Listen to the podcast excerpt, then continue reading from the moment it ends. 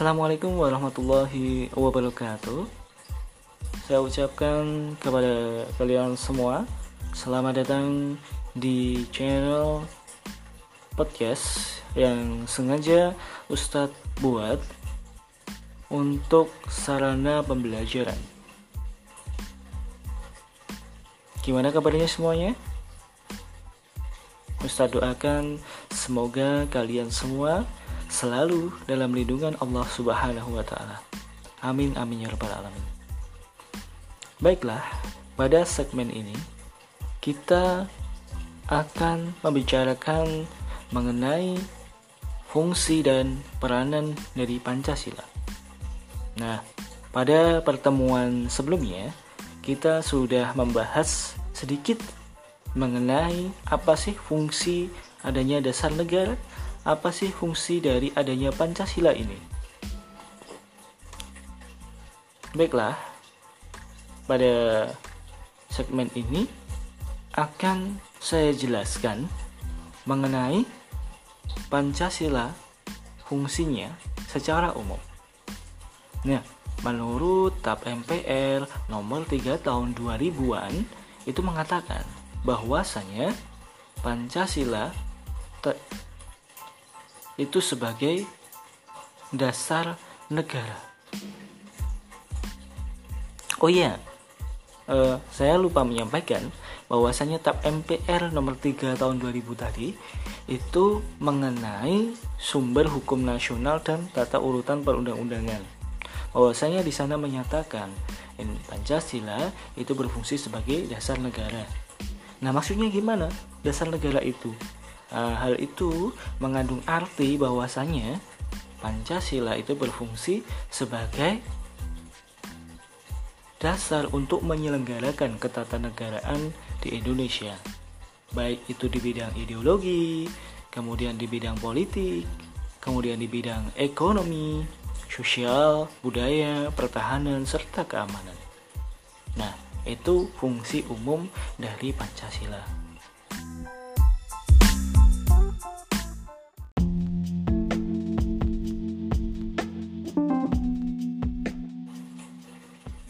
Bagian kedua. Baiklah, setelah tadi kita mempelajari tentang fungsi umum dan peranan dari Pancasila secara umum menurut TAP MPR nomor 3 tahun 2000-an, eh, selanjutnya kita akan cari tahu nih, apa sih fungsinya eh, Pancasila selain yang tadi sebagai dasar negara. Oke, ada banyak macamnya sih. Kalau kita mau merinci kita mau mencari lebih lanjut mengenai uh, fungsi dari Pancasila itu sendiri. Namun pada pembahasan kali ini kita hanya akan menjabarkan atau kita hanya akan membahas fungsi Pancasila menjadi tujuh bagian besar. Oke Eh, secara um secara umumnya lagi uh, tadi kan sebagai dasar negara. Kemudian secara rincinya yang pertama itu Pancasila sebagai jiwa bangsa Indonesia. Kemudian Pancasila sebagai kepribadian bangsa Indonesia. Nah yang ketiga Pancasila itu dijadikan patokan sumber dari segala hukum yang ada di Indonesia. Yang keempat, Pancasila dijadikan sebagai perjanjian luhur, yes.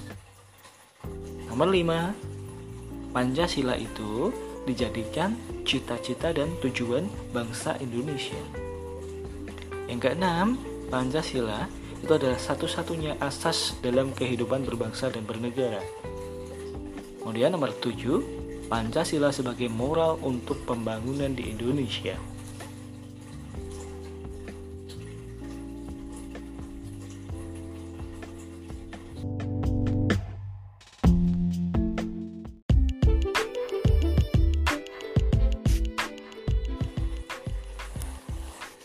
Bagian ketiga Baiklah, setelah tadi kita menjabarkan batasan-batasan mengenai apa saja itu fungsi dari Pancasila, maka kita akan bahas satu persatu di sini nih. Oke, di segmen ini kita akan bahas hanya dari poin 1 sampai dengan poin 4-nya dulu. Yang pertama ada Pancasila sebagai jiwa bangsa Indonesia. Apa sih yang dimaksud dengan Pancasila sebagai jiwa bangsa Indonesia? Baiklah, layaknya sebuah tubuh kita sebagai manusia itu terdiri dari jiwa dan raga di mana jiwa ini adalah sumber penggerak dari raga atau sesuatu yang terlihat fisiknya.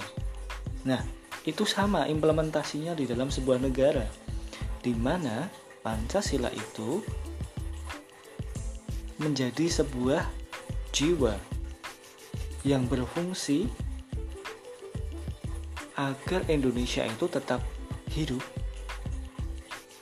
dan tetap dapat berjalan sebagaimana mestinya. Nah, Pancasila ini sejatinya sudah ada atau sudah digunakan e, bangsa Indonesia ini sejak pertama kali diproklamasikan. Seperti itu. Kapan berarti? Ya tepatnya pada tanggal 17 Agustus tahun 1945. Kemudian baru ditetapkan oleh PPKI pada tanggal 18 Agustus. Yang mana pada sila pertama diganti karena ada beberapa sebab yang harus dijadikan dasar untuk kemaslahatan seluruh bangsa Indonesia ini. Oke, kita lanjut di bagian keduanya uh, mengenai fungsi Pancasila, yaitu ada Pancasila itu dijadikan sebagai kepribadian bangsa Indonesia nih. Nah, gimana sih artinya? Nah, artinya kalau yang namanya kepribadian setiap manusia itu kan berbeda-beda ya antara yang satu dengan yang lainnya. Maka dari itu, kepribadian ini juga sama pada sebuah negara. Bahwasanya negara yang satu dengan negara yang lainnya pasti mempunyai sifat dan pikiran yang berbeda-beda. Maka kita andaikan bahwasanya Pancasila ini adalah pikiran dari sebuah negara. Nah, artinya Pancasila itu sendiri memiliki fungsi untuk memberikan suatu pembeda, suatu corak yang khas yang membedakan negara yang satu atau bangsa yang satu dengan bangsa yang lainnya gitu. Ya enggak? Pikiran seseorang dengan pikiran yang lain itu berbeda-beda. Kita analogikan bahwasanya Pancasila itu seperti itu. Bahwasanya pikirannya si A negara A itu seperti itu. Kemudian negara B itu seperti itu. Berarti itu menjadikan ciri khas bagi orang itu untuk dikenal di seluruh dunia. Itulah fungsi dari Pancasila sebagai kepribadian bangsa. Lanjut kita di nomor 3 di sini ada bahwasanya Pancasila itu dijadikan uh, sumber dari segala sumber hukum. Nah kita perlu cerna nih uh, kata-katanya, kalimatnya. Sumber dari segala sumber hukum. Maka ini adalah uh, dasarnya nih dari sistem peraturan berarti. Nah, itu artinya Pancasila itu sendiri adalah sebuah nilai dasar sebagai patokan. Cara gampangnya seperti itu. Sebagai patokan untuk apa? Untuk terciptanya atau untuk pemerintah membuat aturan-aturan yang baru yang belum ada terus diadakan harus eh, mengacu pada nilai dasar di Indonesia.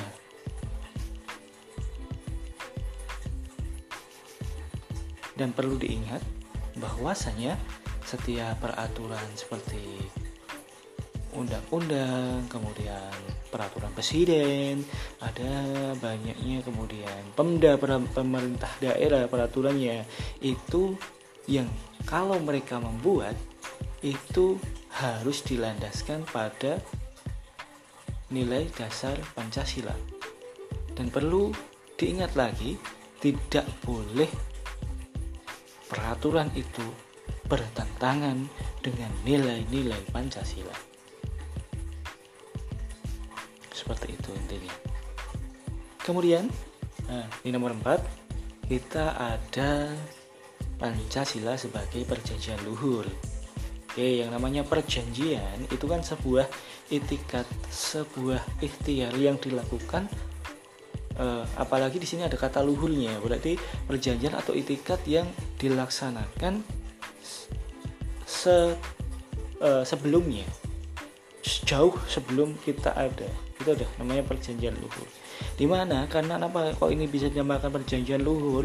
Karena perjanjian ini merupakan uh, cikal bakal uh, dari persetujuan rakyat Indonesia pada saat uh, proklamasi kemerdekaan. Seperti itu.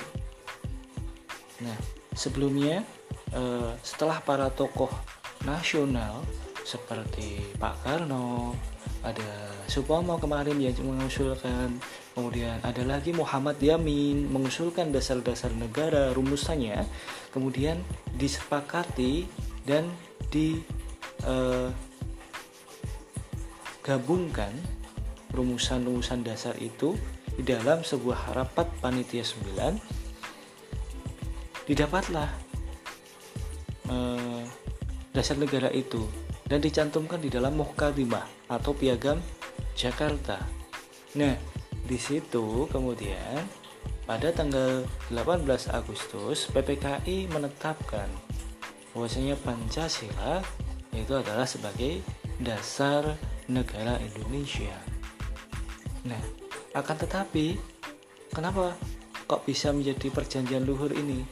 Nah, pada sebelumnya pada tanggal setelah diucapkan diikrarkan proklamasi kemerdekaan itu ada beberapa bagian dari piagam Jakarta yang harus dirubah nih susunan katanya susunan kalimatnya.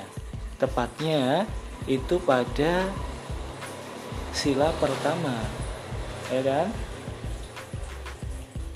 Itu diganti dari yang tadinya uh, kewajiban syariat Islam bagi pemeluknya kemudian diganti nih menjadi ketuhanan yang maha esa. Itu semua dilakukan dilaksanakan demi keutuhan bangsa Indonesia.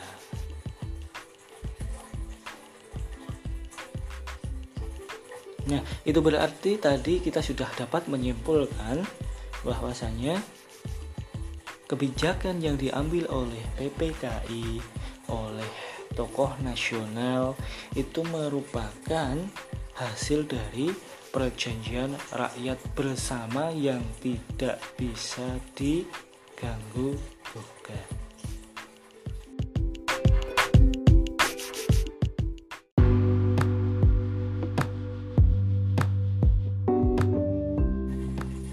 Melanjutkan dari fungsi-fungsi Pancasila yang sudah kita jabarkan sebelumnya pada sesi bagian ketiga. Ya baiklah, sekarang kita lanjutkan di bagian keempat. Di sini kita akan jelaskan mengenai fungsi Pancasila itu dari sesi 5 sampai dengan nomor sesi ketujuh. Pancasila eh, di sini ada Pancasila sebagai cita-cita dan tujuan bangsa Indonesia Nah, gimana nih maksudnya Pancasila kok bisa dijadikan cita-cita dan tujuan bangsa? Nah, artinya di sini uh, kita harus cari tahu dulu kenapa kok bisa dijadikan cita-cita dan tujuan bangsa.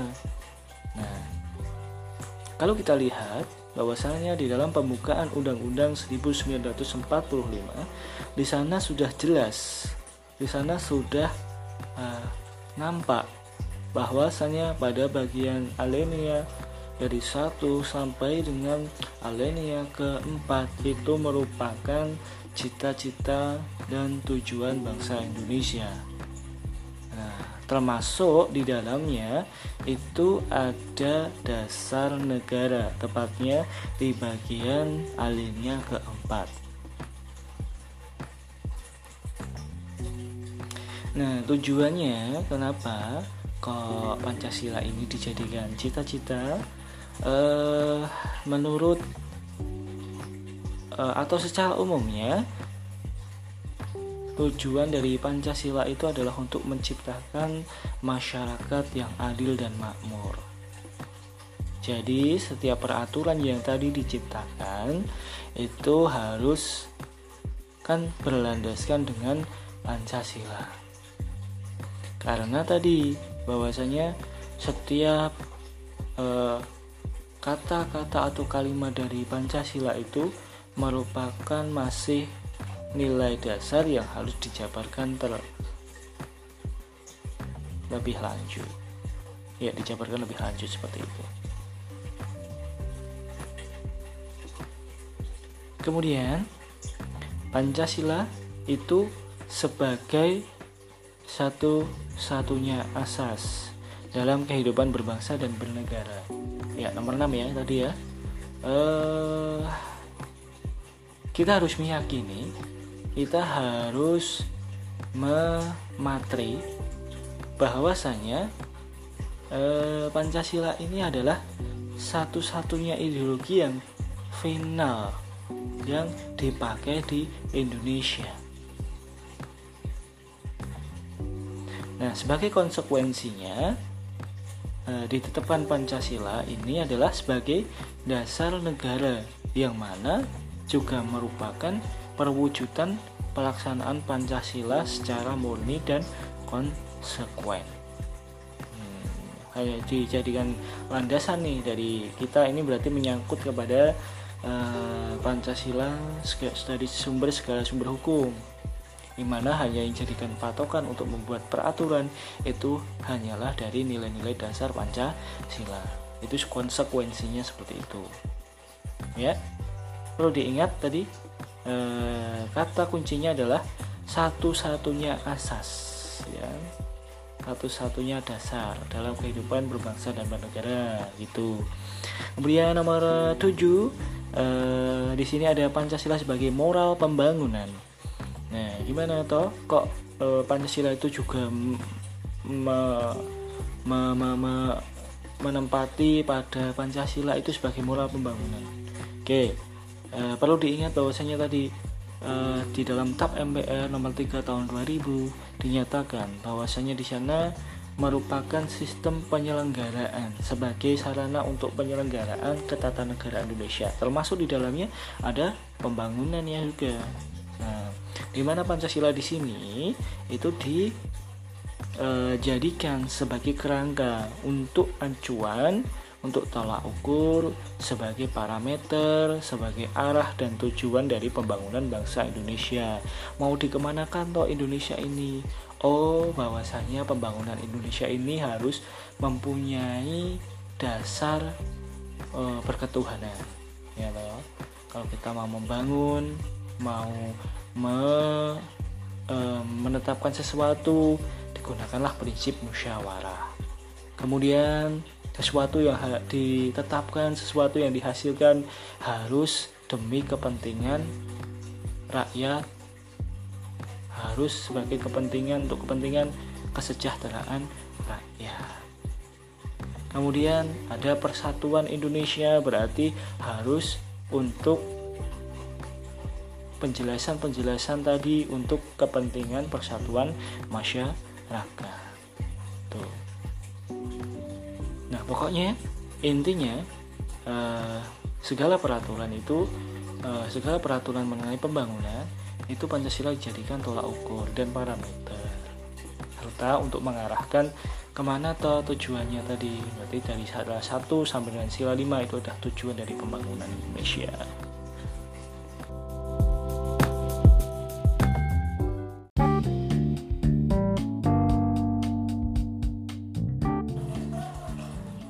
Baiklah, setelah kalian mendengarkan